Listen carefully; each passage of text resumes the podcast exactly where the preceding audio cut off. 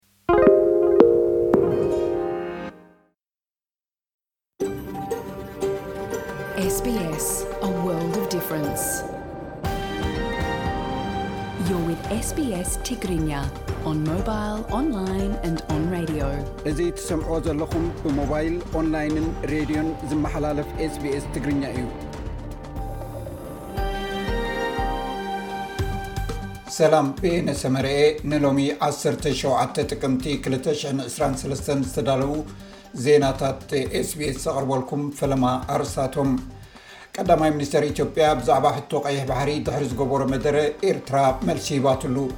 ድሕርቲ ኣብ እስራኤል ብወታደራት ሓማስ እተፈነወ መጥቃዕቲ ንሰሙን ዝኣክል ኣብ ጋዛ ዝተካየደ ደብዳብ ነፈርቲ ልዕሊ 280 ሰባት ተቐቲሎም ኣብ ደቡብ ሱዳን ንዘሎ ሕፅረት መግቢ ንምምካት ዝውዕል ናይ ሓሙሽተ ሚእቲ ሚልዮን ዶላር ተሓቲቱ።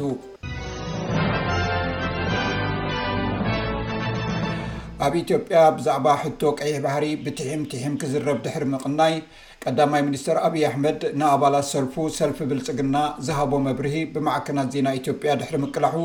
ኢትዮጵያውያንን ኤርትራውያንን ዓቢ ኣጀንዳ ገይሮም ይዘራርብሉ ኣለዉ። ገለ ካብቲ ቀዳማይ ሚኒስተር ኣብዪ ኣሕመድ ንቀይሕ ባሕሪ ኣመልኪቱ ታሪኻውን ሓቅነት ዋንነት ኢትዮጵያ እዩ ንዝበሎ ንምግላጽ ከነቐርብ እሞ እቲ ብመንግስቲ ኤርትራ ዝተዋህበ መልሲ ከነኸትል። የኛ ሲሆን ችግር የሌለው ሚወሰድ ከዚያ ሲሆን ግን የማይጠየቅ ከሆነ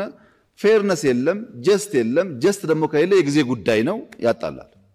ኣሉላ ኣባነጋ ራሱ ቀይ ባህር የኢትዮጵያ የተፈጥሮ ወሰን ሆኖ ኖሯል፣ ናህና ዝኾነ ማይ ይኖራል ይላል ዝወስድ እንተኾይኑ ካብቶም ዊዝደም ካልኦት ነው። ድማ ዘይሕተት ታሪክን እንተኾይኑ ኔቸር ፍትሓዊ ኣይኮነን። የሰጠችውን ፍትሓዊ እንተዘይኮይኑ መንሳት ናይ ግዜ ሕቶ እዩ ኣይቻልም። እምበር እዚውን ዘጻሊ እዩ። ውስጥ ሊተነተን የሚችል ዊዝደም ኣሉላ ነው። ኣባ ነጋ ንገዛእ ርእሱ ቀይሕ ቀይ ባሕሪ ባህር ለኛ ናይ ቅርብ ስለሆነ ኢትዮጵያ ኣይገባንም ተፈጥሮኣዊ ኣላሉም። ዶብ ኮይኑ ራሱ ቀይ ነይሩ ባህር የኢትዮጵያ ክነብር እዩ ድማ የተፈጥሮ ኢሎም ነይሮም። እዚ ልቦና እዩ ታሪክ ኣልዒሎም ተፈጥሮ ዝለገሰቶ ምልዓል ወይ ምውሳድ ኣይከኣልን ኢሎም ቀየ ባሕሪ ቀረባና ስለዝኾነ ይግባኣና እዩ ኣይበሉን እንታይ ደኣ ገዛእ ርእሱ ቀይሕ ባሕሪ ናይ ተፈጥሮ ውህበት ኢትዮጵያ እዩ እዮም ኢሎም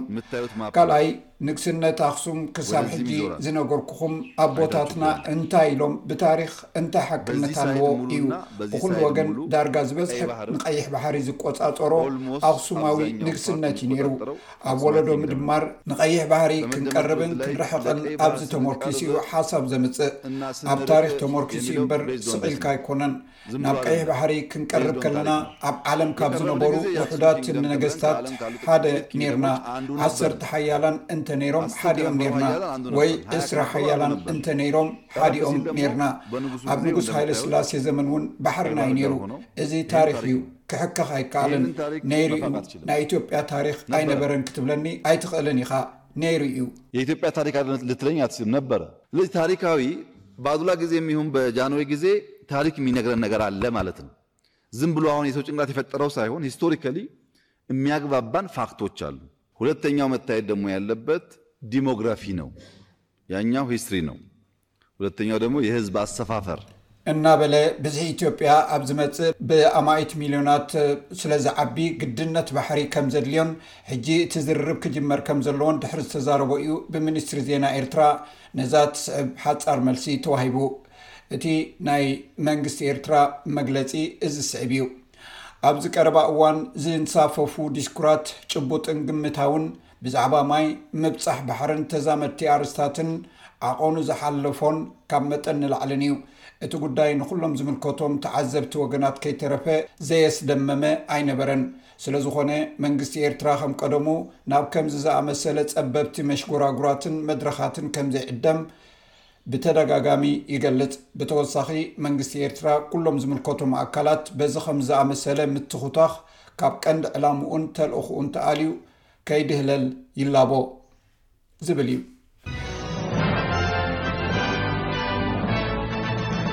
ኣብ ካልእ ዜናታት ዓለም ቀዳማይ ሚኒስተር እስራኤል በንያሚን ናታንያሁ ምስ ዋና ፀሓፊ ወፃኢ ጉዳያት ሕቡራት መንግስታት ኣሜሪካ ኣንቶኒ ብሊንከን ኣብ ቴልኣቪቭ ተራኺቡ ሚስተር ብሊንከን ድሕሪ ናይ ሽዱሽተ ሃገራት ኣዕራብ ዝገበሮ ዑደት ኣቢሉ እዩ ንካልኣይ ግዜ ናብ እስራኤል ተመሊሱ እቲ ምብጻሕ ነቲ ኣብ መንጎ ሰራዊት እስራኤልን ወታደራት ሓማስን ዝካየድ ዘሎ ኲናት ንምዕጋት ዝዓለመ ኮይኑ፣ ኣብቲ ዞባ እቲ ግጭት ከየስፋሕፍሕ ስግኣት ስለዝፈጠረ እዩ።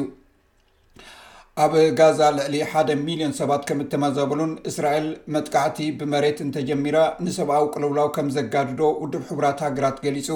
ሰበስልጣን ጥዕና ጋዛ ከም ዝሕብርዎ፣ ድሕሪ'ቲ ኣብ እስራኤል ብወተሃደራት ሓማስ ዝተፈነወ መጥቃዕቲ፣ ንሰሙን ዝኣክል ዝተኻየደ ደብዳብ ነፈርቲ፣ ልዕሊ ክልተ ሽሕን ሸሞንተ ሚእትን ሰባት ተቐቲሎም ኣለዉ።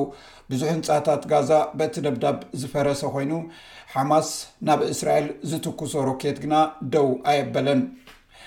ምክትል ቀዳማይ ሚኒስትር ሪቻርድ ማርለስ ኣብ ጋዛ ዝነብሩ ዓርብዓን ሓሙሽተን ኣውስትራልያውያን ናብ ኣውስትራልያ ንክምለሱ ምስ መንግስቲ ርክብ ገይሮም ኣለው ኢሉ ኣውስትራልያውያን ኣብ መንጎቲ ኣብ መንጎ ወተሃደራት ሓማስን ሓይልታት እስራኤልን ዝካየድ ዘሎ ግጭት ተቐርቂሮም ካብ ዝርከቡ እዮም ቤልጂም ክልተ ሽወደናውያን ብግብረ ሽበራ ብዝጥርጠር ቅትለት ድሕሪ ምሟቶም እቲ ናይ ግብረ ሽበራ ጥንቃቐ ናብ ዝለዓለ ደረጃ ኣደይባቶ ቀዳማይ ሚኒስተር ቤልጂም ኤሌክሳንደር ዴክሩ ነቲ ኣብ ማእከላይ ብራስለስ ዘጋጠመ ሞት ክልተ ሰባት ምስ ግብረ ሽበራ ኣተኣሳሲርዎ ኣሎ ናይ ሕቡራት ሃገራት ፕሮግራም መግቢ ዓለም ኣብ ደቡብ ሱዳን ንዘሎ ሕፅረት መግቢ ንምምካት ዝውዕል ናይ ሓሙሽተ ሚሊዮን ዶላር ሓገዝ ሓቲቱ